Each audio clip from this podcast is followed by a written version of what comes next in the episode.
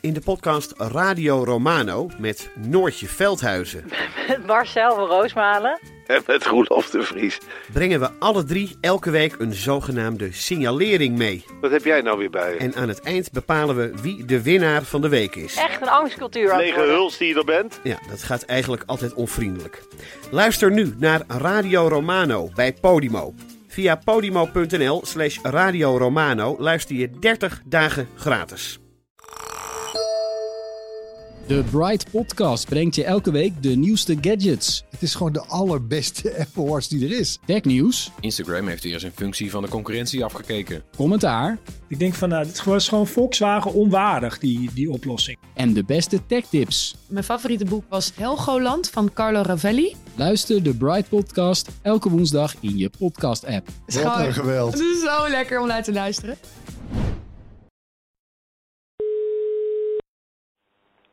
Hoi Chris. Hey, hallo. Ik zoek eigenlijk mama. Is die er of niet? Jawel, ik zal eens even kijken. Ja. Gerda. Gerda. Ja? Je zoon. Oh. Ze, ze, ze is in de tuin bezig. Oké. Hi. Hey, hallo met Chris. Ehm, ik neem dit ook op nu, hè? Oh. Ik denk, ik bel jou even op. En dan ga ik aan jou vragen wat jij denkt dat ik nu ga doen. Weet je, weet je wat een podcast is? Eh, kleine korte dingetjes. Oké. Want ik ga nu geen radio maken, maar een podcast, toch? Ja, je gaat een podcast maken. Maar, maar, weet, maar je weet niet wat een podcast is. Ja, ja, eh, eh, Je moet gewoon heel eerlijk zijn. nee, op dit moment niet, nee.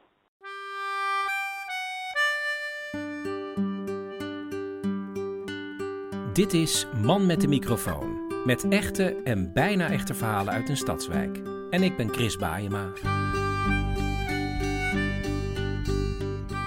Ik denk, eh, ik ga naar de Filistijnen. ja.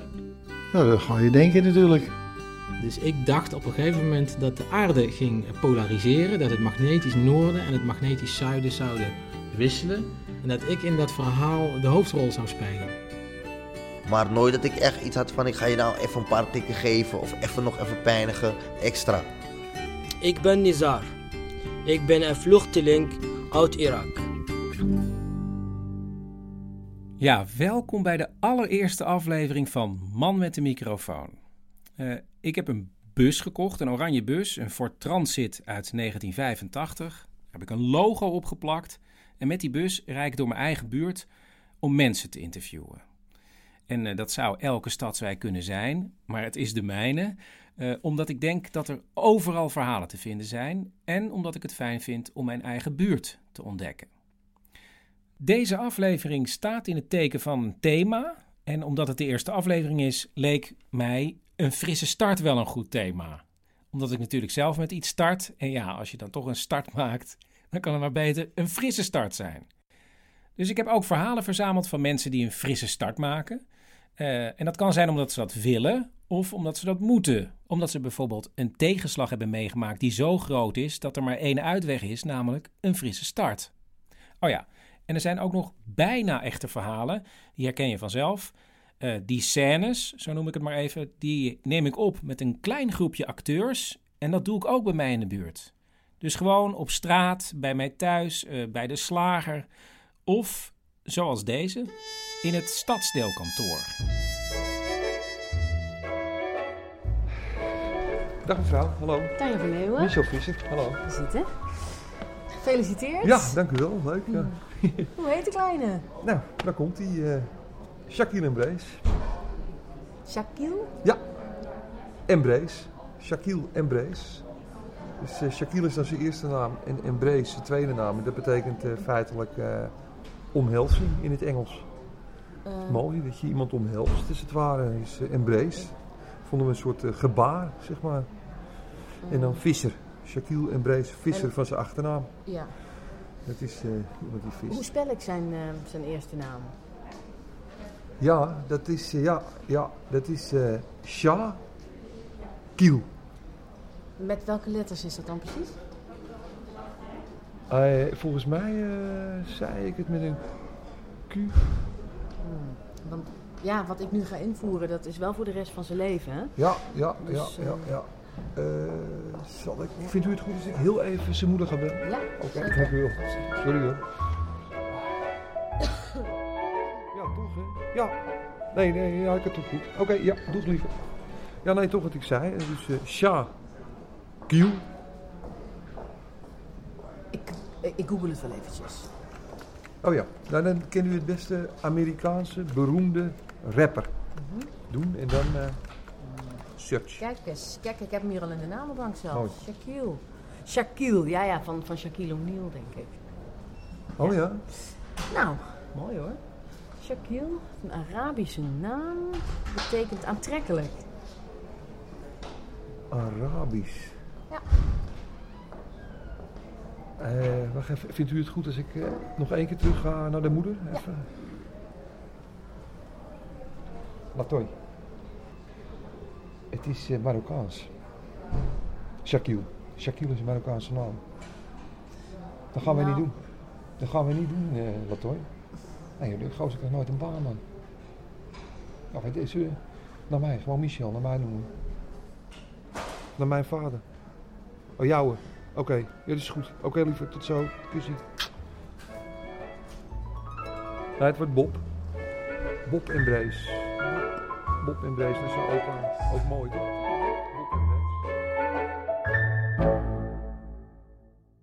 Toen ik een paar weken geleden met de opnames begon, toen werd er in een sportzaal bij mij in de buurt een groep vluchtelingen opgevangen. En ik dacht, ja, het zou heel raar zijn als het over een frisse start gaat en als ik niet bij zo lang zou gaan. En ik vond het bijvoorbeeld ook heel goed dat het zo zichtbaar was in de stad.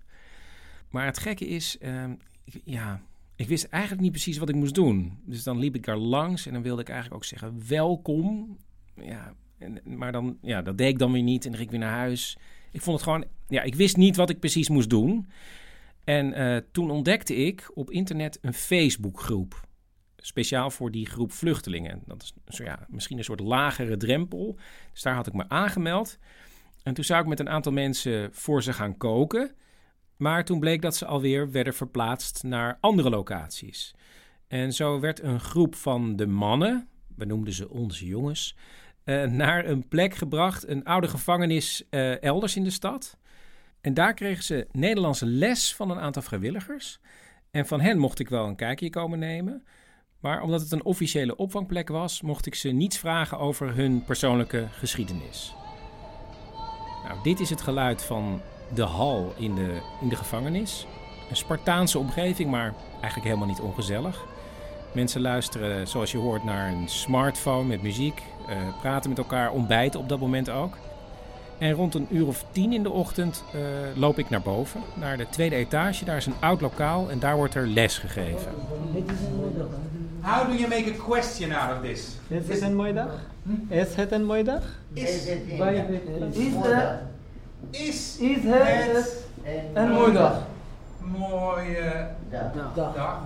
En daar zit ik dan tussen, ik denk 10, 12 Syriërs en Irakezen... die allemaal met een schriftje en een pen aantekeningen zitten te maken. En eh, ja, ik ben toch wel blij dat ik daar ben. Misschien stelt het helemaal niks voor, maar ik denk... Ja, ik ben blij als zij zichtbaar zijn voor mij. Dus ben ik ook zichtbaar voor hen. En het blijkt dat ze ook een eh, liedje voor me hebben ingestudeerd. Ges komt de Spanje weer aan. Hij brengt ons Sint-Nicolaas, ik zie hem al staan. En ze zijn alweer bezig met de volgende klassieker in te studeren. Ik weet eigenlijk niet precies wat ik nu wil of moet zeggen. Want ik vind het natuurlijk heel bijzonder dat ik tussen die mannen zit en dat ze dit voor me zingen. Maar ik wil ook niet als een soort naïveling overkomen. Want als ik wegloop, zegt een van die Nederlandse vrijwilligers weer tegen me dat er ook buiten die gevangenis weer allemaal radicale types rondlopen die op de bewoners inpraten. En ik denk, oh, maar ik moet een soort standpunt innemen wat ik er nou over vind. En, maar opeens dacht ik, het is gewoon voor mij driewerf ja. Ja, het kost ons geld als die vluchtelingen allemaal komen. Ja, natuurlijk komen er ook heel veel problemen mee dan. Maar vooral ja, We heten ze van harte welkom en we vangen ze fatsoenlijk op. Jongen, je bent op deze wereld gestanden om te vechten net als wie. Je kan weten, Het leven is niet makkelijk. Oh ja, zometeen in deze podcast kom ik nog weer terug bij een van de vluchtelingen. Kleine jongen. Er zijn veel goede mensen. Ja, bye bye. Tot ziens.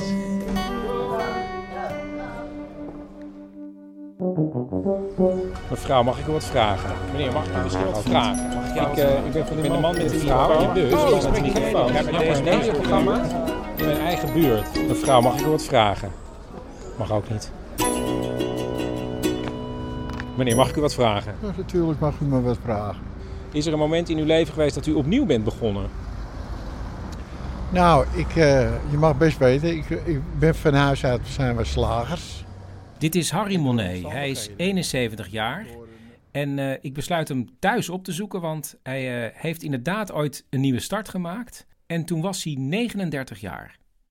Het was een maandagochtend dat ik dus eh, met de drie directeuren in de winkel zat. En eh, nou, een van die directeuren zei, hey Monet, je wordt helemaal eh, wit aan één kant. Ja, nou, ik had het pas gezegd. Toen ging ik door mijn knieën heen. En verder weet ik er ook helemaal niks van. Ik denk, ik ga naar de Filistijnen. ja, het is over met me. Toen bleek het een hersenattack te wezen. Harry wordt opgenomen en al snel blijkt dat hij nooit meer slager zou kunnen zijn. Ik moest gewoon eh, iets eh, lichters gaan doen. En na een lange revalidatie komt hij bij zijn huisarts. Nou ja, hij zegt, als je terug gaat in de slagerij, dan, dan kunnen we je zo eh, begraven. Ik zeg, well, ja, wat moet ik dan? Hij zegt, hij zegt, heb je hobby's? Ik zeg, ja. Een beetje muziek maken. Dat heb ik ga meteen opnemen. Hij zegt, u doet dat. Zeg nog maar even. Ik, ik vind het leuk eh, eh, dingen te spelen van voren. Ik weet niet hoe dat nummer heet, maar ik speel het wel even gewoon voor je.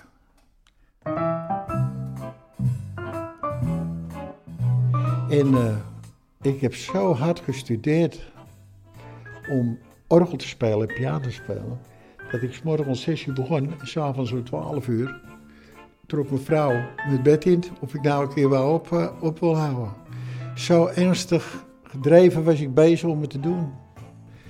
En eh, nou, dit is me toch aardig gelukt.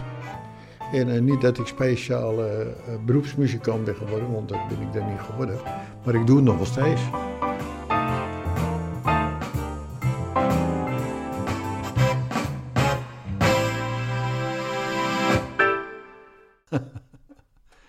Nou, daar hou ik wel van, van die soort muziek.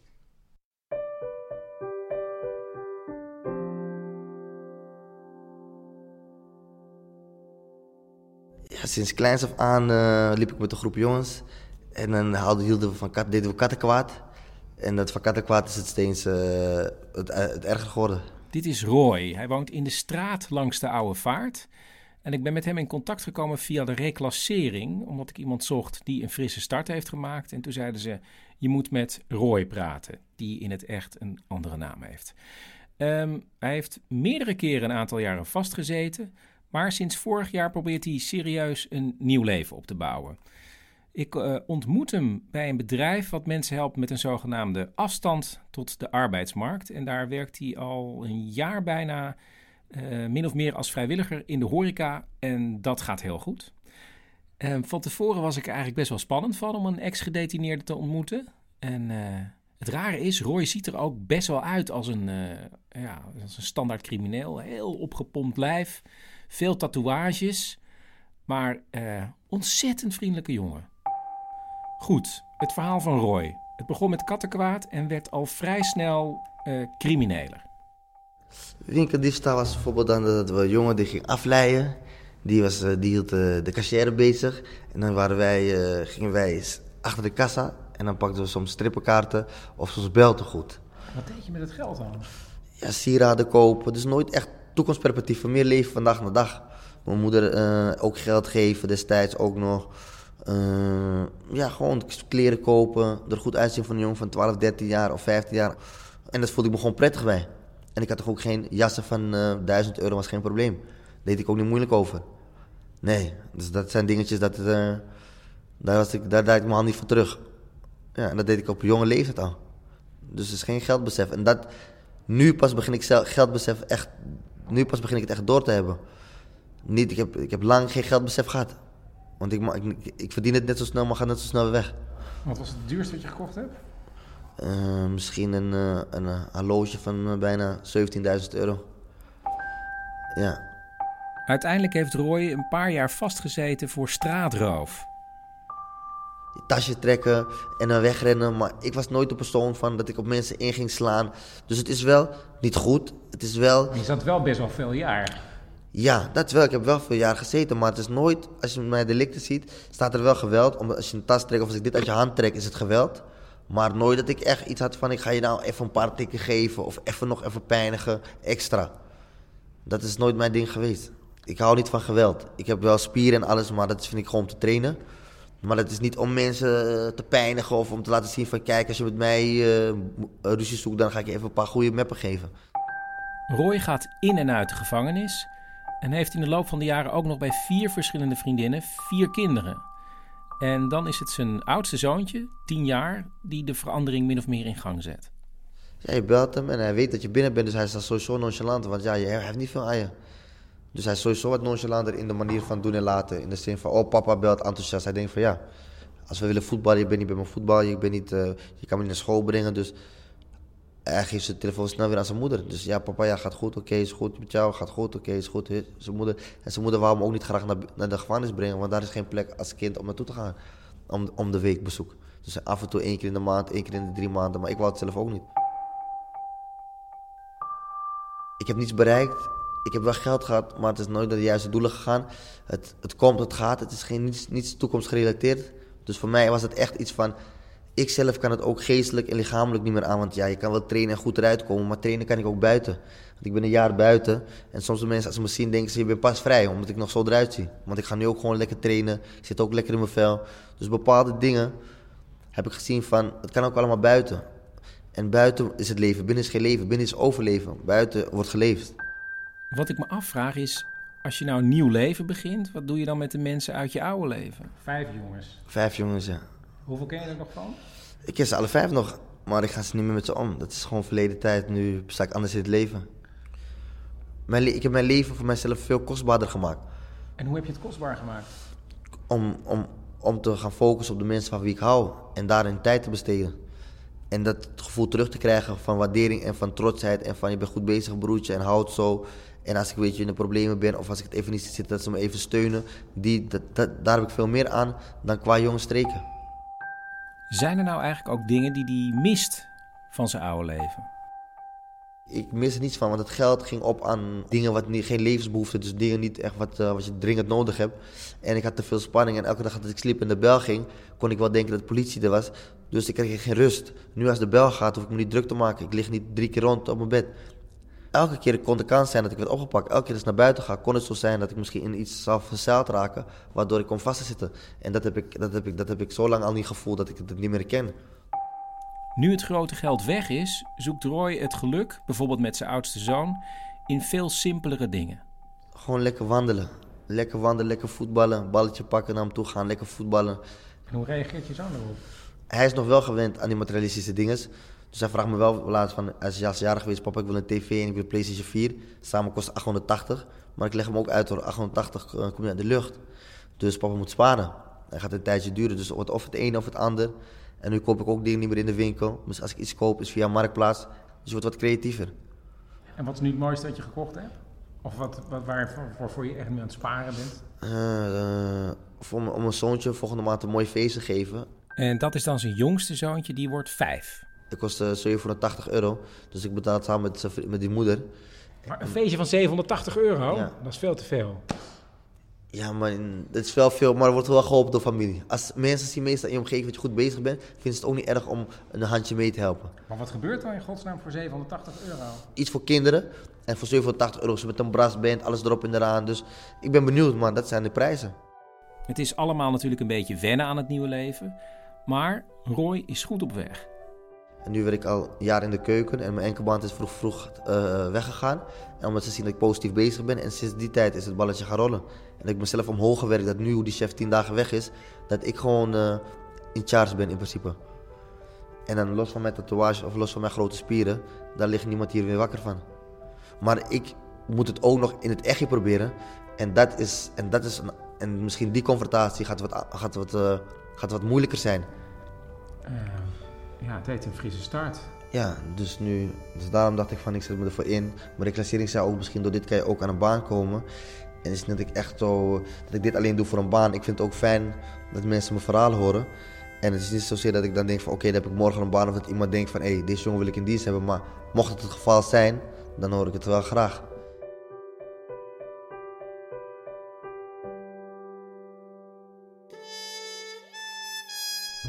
In de winkelstraat maakt agent Simon reclame voor een door hem bedacht nieuw initiatief.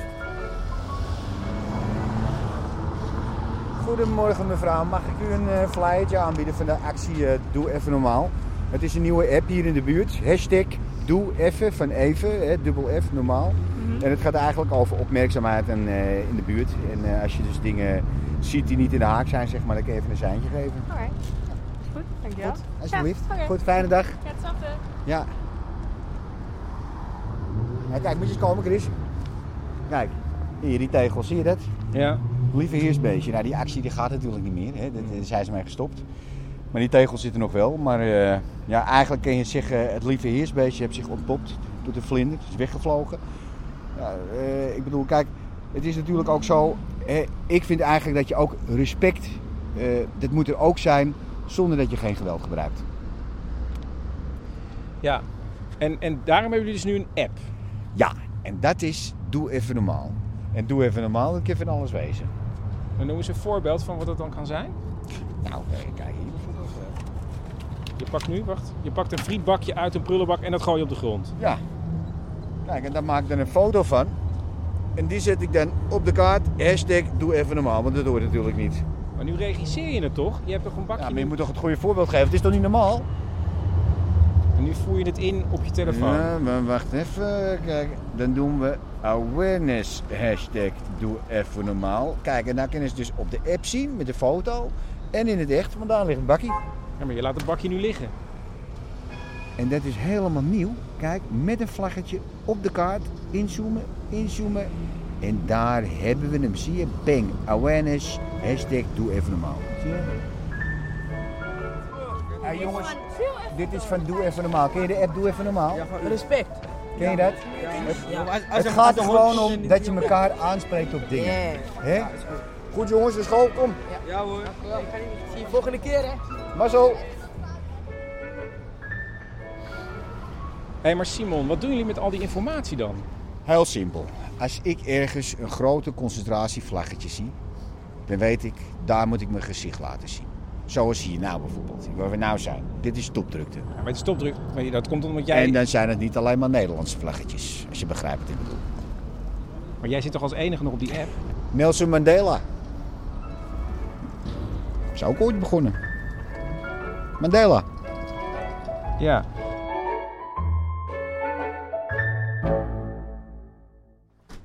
Daar komt iemand binnen. Welkom op de Halloween party. Hallo. Ben je er klaar voor? Hij is eng, hè? Het is eng, hè? Is eng. Heb je er zin in? Ik ben op bezoek in het buurtcentrum vlakbij het park waar een Halloweenfeestje wordt gehouden. En iedereen wordt welkom geheten door Rafael. En hij vertelde me dat hij ooit een frisse start in zijn leven heeft gemaakt. En om dat verhaal goed te begrijpen, moet je eerst weten uit wat voor een gezin hij komt. Als ik thuis kwam, dan uh, lag mijn vader altijd ergens. Uh, waar hij lag, dat wist ik niet, dus dan moest ik hem altijd zoeken. Of hij lag uh, op de bank, of hij lag op zijn bed, of hij lag in de tuin. Uh, en als het regende, dan lag hij in de schuur op een stretcher. Um, en dat kwam door de medicatie. Om de vier jaar werd hij psychotisch. En als hij dan thuis was, dan moest hij weer helemaal bijkomen. Nou, dat, duurde, nou, dat duurde vaak een jaar voordat hij weer een beetje in balans was. Maar door de medicatie kon hij eigenlijk niet meer bij zichzelf. Dus ik ben eigenlijk toen ik een jaar of vier was, uh, speelde dat, dus verloor ik hem als, als vader. En ook mijn moeder topte vaak met eh, depressies. Dus het was heel erg lastig om daarin, in die setting, in die thuissituatie, eh, groot te worden. Er was gewoon niemand in mijn leven die ooit grenzen stelde. Dus ik heb me verloren in, in, eh, in, in, in blowen, in diefstal, in joyriding, in, ja, in heel veel eh, dingen. Want eh, alles kon. De wereld lag eigenlijk helemaal open. Ik kon alles, maar tegelijkertijd moest ik alles nog leren. Ehm, en mijn frisse start maakte ik eigenlijk toen ik zelf in een, in een ik noem het een spirituele crisis eh, kwam. Ehm, Wat gebeurde er? wat gebeurde er? Ik had een reorganisatie op mijn werk. Ik lag in een relatiecrisis met mijn ex-vrouw. We hadden twee kindjes. En het lukte me niet meer om mezelf op de been te houden. Dus ik ehm, werd steeds drukker. En kreeg steeds meer ideeën. Ik ging steeds minder slapen. Ik ging s'avonds en s'nachts ging ik eh, lopen. Ehm, de ideeën werden steeds groter. En de rol die ik daarin speelde werd ook steeds groter. Dus ik dacht op een gegeven moment dat de aarde ging polariseren. Dat het magnetisch noorden en het magnetisch zuiden zouden wisselen. En dat ik in dat verhaal de hoofdrol zou spelen. En dat is niet het enige verhaal, want zijn hoofd is zo druk dat de ene gedachte de andere weer inhaalt. Eh, normaal gesproken, als je door de muur wil lopen, doe je de deur open. En ga je er doorheen. In mijn staat van zijn onderzocht ik hoe kan je op een meer eenvoudige wijze door de muur heen zonder dat je de deur open hoeft. Ik was zo bang van eh, donker dat ik niet naar de wc durfde. Ik was zo enthousiast over nieuwe vindingen die ik deed dat ik met mijn kerstboom ehm, deed ik de stekker erin en eruit. En zo seinde ik met de lampjes van de kerstboom naar mijn vrienden. Dus ik zat in een, in een bizarre, waanzinnig iets waar ik zelf niet uit kon komen. Mijn omgeving zei: Jij zit in een psychose, je hebt nu medicijnen nodig. En ik dacht: Ik ben ergens ingekomen. En waar ik in kom, daar kom ik ook weer uit.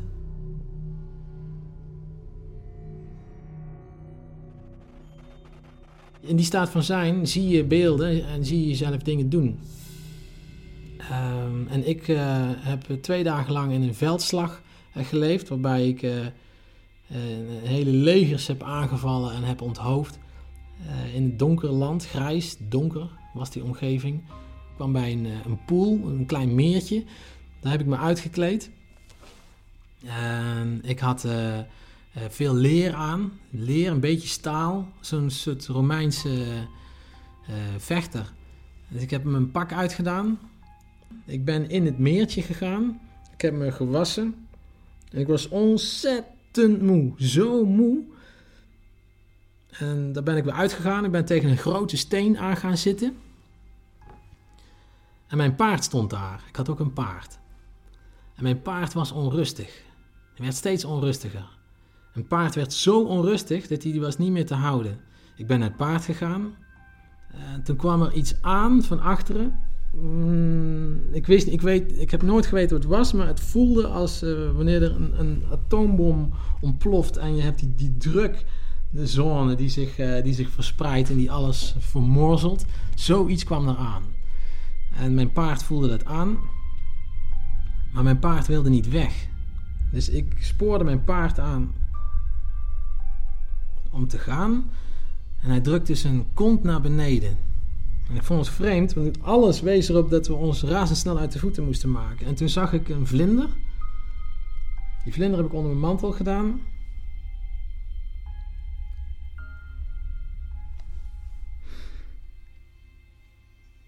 En toen kon ik lopen. En toen zijn we gaan lopen en toen dacht ik, die vlinder, dat is mijn dochtertje. En toen kwam ik bij, de, bij een grens van het donker naar het licht. En uh, toen dacht ik, waar is mijn zoon nou? Ik denk, hoe kan het nou? Waar is die nou?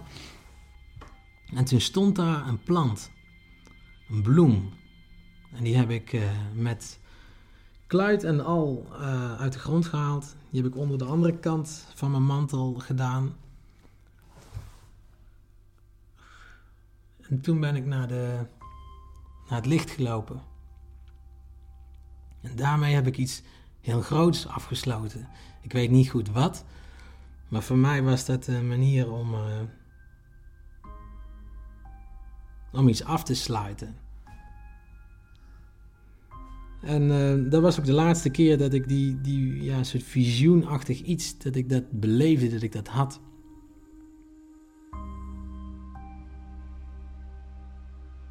Zijn gedachten gaan nog steeds met hem aan de loop. Zijn hersens maken overuren. Maar hij houdt het vertrouwen. En dan is het tien dagen later. Toen was er een nacht op een gegeven moment dat ik wakker werd. Ja, en eh, toen werd ik voor de eerste keer echt wakker. Dus het leek alsof ik hier voor de eerste keer op aarde was. En ik keek om me heen en ik vond alles zo mooi en alles was zo intens. En ik stapte onder de douche en ik genoot van de sensatie en de intensiteit van die stralen op een manier zoals ik nog nooit uh, genoten had. Dus alles was nieuw.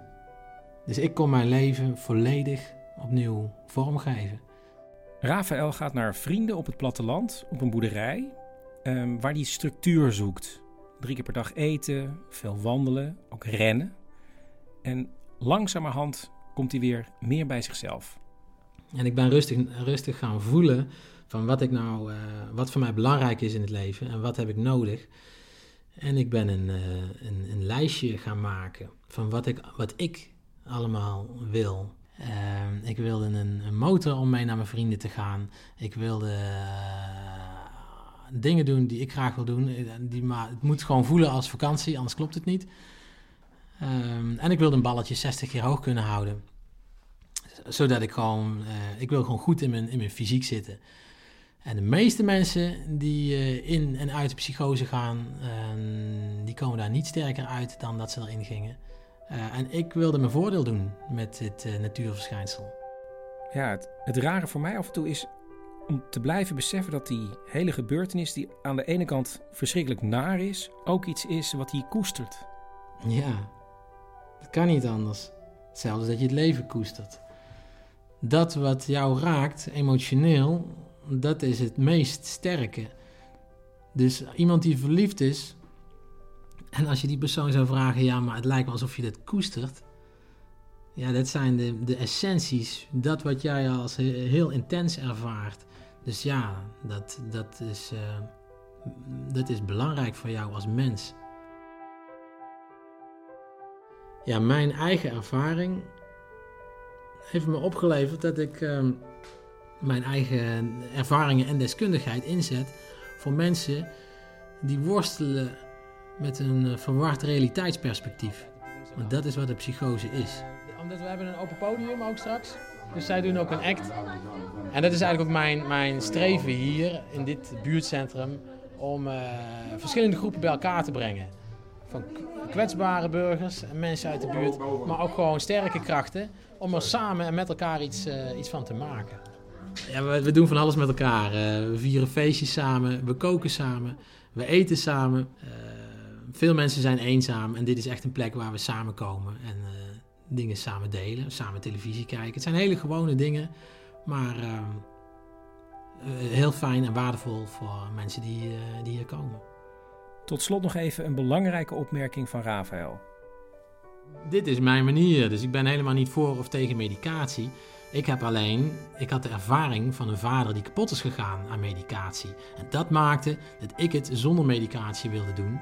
En dat het mij gelukt is, is geweldig. Um, maar dat die kans heel erg klein is dat het lukt, dat uh, realiseer ik me ook.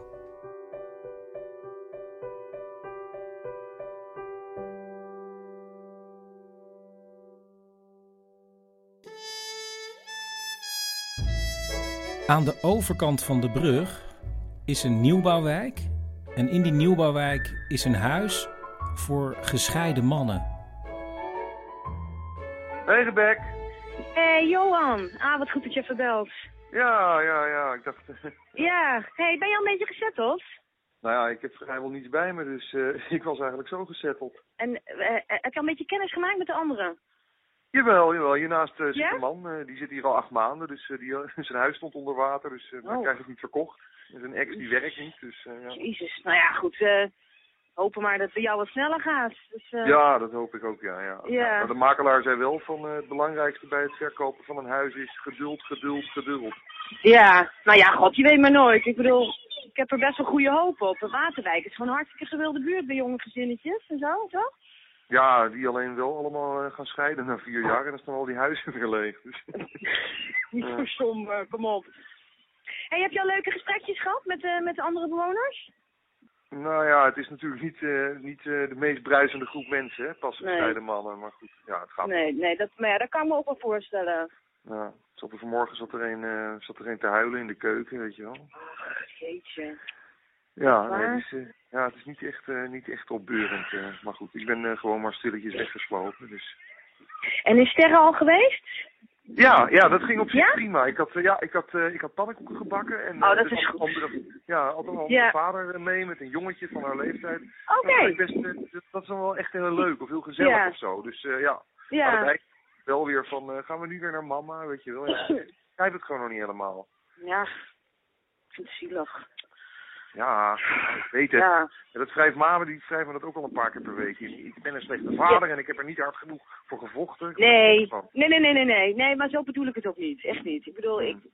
Nee, ik denk echt dat Sterre op termijn beter af is, hoor. Als ze niet eh, tussen twee mensen zit eh, die elkaar niet te harde vinden. Nee, ja, precies. Ja, eh leuk is het natuurlijk ook niet. En dat, dat bedoelt mama denk ik ook. Alleen daar heeft zij gewoon de woorden niet voor. Nee, dat kun je wel zeggen. Ja. Hey, en, en verder? Ja, verder wat. Ja, ja. ja ik heb een, eh, ik heb een eh, basilicumplant gekocht eh, voor de huishoudheid. Dus. Oh, Ja. nou dat vind ik wel goed. Huiselijkheid, dat is heel belangrijk. Mhm. ja, er komt de hele tijd een dominee langs. Ja? Die hoopt dat we dan op ons kwetsbaarst zijn en dat, we, dan- dat, we, ja, dat we dan bekeren. is dat al gebeurd? Nee joh, nee, nee, nee, wees maar niet bang. nou ja, goed, ik kijk nergens meer van op. Nee, wat mij betreft eh, ga je bij de Bachman, als jij maar gelukkig bent. Ja, nou, ik, eh, ik hou dat voorlopig even, even zo simpel mogelijk. Heb je Marinka nog gesproken? ja, alleen bij de, bij de mediator dan. Eh, Toen, want, eh, ja, toen ik sterren terugbracht, toen, eh, toen wilden ze niet eens aankijken. dat vind ik echt melodramatisch. Ik bedoel, dat, dat, dat, dat vangt Sterren dan toch ook weer op? Nou, ja, ik weet het niet. Ster, Ja. sterren, sterren riep alleen maar van, we hebben pannenkoeken gegeten, mama, weet je wel. En dan Marinka meteen van, eh, eh, ja, dat is eh, maar voor heel af en toe, want pannenkoeken die zijn echt niet gezond. En zeg nou maar dag tegen papa. Jezus, zeg Ja. maar dag tegen papa. Maar goed, Ja. ik, ik, ik probeer me zo neutraal mogelijk te houden, anders gaat ze nog tegen me gebruiken. Ja, Ah, want, want wanneer wordt de regeling nou definitief vastgelegd? Ja, niet zo snel mogelijk, maar Marinka kennende zal het wel met Sint-Jutemus zijn. Maar ik, ik hoop het goed snel voor de kerst.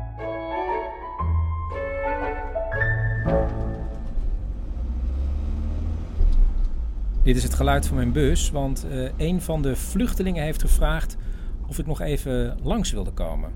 En omdat het niet officieel is, spreken we af buiten de opvang. Nizar, I came here with my orange bus because we became friends on Facebook and you wanted to say something to me. Yes, okay. I have something from you and from Netherlands, everybody, people. And you wrote it down in, the, in Dutch? Yes. Yes. In the here. Speak now. Yeah, but, but we can also record it in my bus because that's uh, Yes. a mobile stu- studio. Nou, Nizar heeft gewoon een schriftje bij zich. Waar hij ook waarschijnlijk de Nederlandse les in noteert. Relax and speak because I am nervous. Okay. Maar hij is ook nog nerveus. We stappen allebei in mijn bus en we gaan ieder aan één kant van mijn kleine witte tafeltje zitten. En het schriftje dat hij opgerold in zijn hand houdt, legt hij op tafel en hij gaat op zoek naar de juiste bladzijde. En hij is nog steeds heel zenuwachtig. Later vertelde hij me dat hij uit Mosul komt in Irak en dat hij gevlucht is voor ISIS. Met zijn familie heeft hij op een dag van bombardementen alles in paniek achter moeten laten. En zijn moeder en zijn broer met zijn gezin die zitten in een vluchtelingenkamp in Noord-Irak. En hij is met zijn vader naar Turkije gegaan. En die heeft hij daar moeten achterlaten omdat hij te oud en te fragiel was. En hij is alleen verder gereisd. Onder andere met 50 man in een bootje naar Griekenland. En alle spullen die hij toen nog had, is hij daar verloren. En uiteindelijk is hij met een trein gereisd naar Nederland. Waar hij aankwam met alleen nog maar een t-shirt en een spijkerbroek. En hier heeft hij van alles gekregen, eten en inmiddels ook dus een plek om tijdelijk te leven. En het is bijna niet te beschrijven hoe het voelt om vrij te zijn. En ondanks die vreugde heeft hij ook veel verdriet, omdat hij dan contact heeft met zijn moeder via internet. En die maakt zich zorgen over de winter die er daar aankomt. En hij maakt zich zorgen over zijn vader die nog steeds in Turkije zit. Maar toch probeert hij ook hier zijn eigen leven voorzichtig weer op te bouwen. Maar dat vertelde hij dus later, want eerst wilde hij nog iets tegen ons zeggen. I have something I want to speak from people Netherlands in the Dutch, but I don't speak Dutch. But this Dutch I speak now. yes. Oké, okay, zie. Uh, goedemiddag. Ik ben Nizar.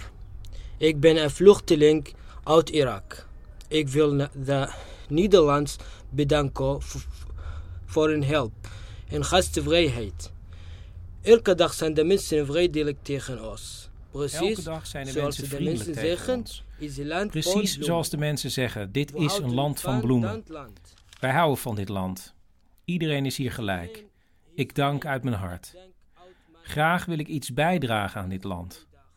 Ook wil ik de mensen in de opvang bedanken en wil ik de docenten bedanken van wie ik Nederlands leer. Wij danken dit land. Hoop dat het een voorspoedige toekomst tegemoet gaat. Namens een Irakese vluchteling. voorspoedig toekomst tegemoet gaat. Namens Irakese vluchtelingen. Dank u wel.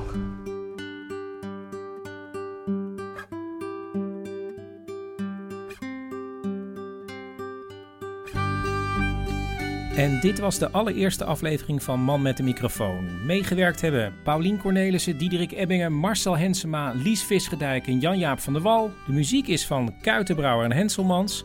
En deze eerste aflevering werd mede mogelijk gemaakt door de open woordenregeling van het Mediafonds, Stadsdeel Oost in Amsterdam en crowdfundingplatform voordekunst.nl. Reacties zijn meer dan welkom. En omdat Man met de microfoon een programma is zonder omroep, als je het mooi vindt, verspreid het. Tot over twee weken. Oh, wacht. eh, eh, Mama vraagt nu wat. Ja, ik, ik vraag me af, hoe verdien je hiermee? Hoe verdien ik ermee? Ja, hoe verdien je ermee? Ja, ik zou willen dat er een bedrijf is dat zegt, hé, hey, dat is een ontzettend leuk programma. Dat, Dat gaan we ik. sponsoren. En dan zeg ik van tevoren, ehm, welkom bij mijn programma. Dit wordt mede mogelijk gemaakt door die en die Oh, prima. Ja, zo bedoelde ik het. Ja, is, dat wil dat ik. Is, dat is precies wat ik je wilde zeggen. Want daar dacht ik in de tuin net aan. Ik denk, oh god, laat ik nou even zeggen dat hij dat... Ja, prima. Dat is Ja? het. Ja. Oké. Oké. Dag. doei. Doei.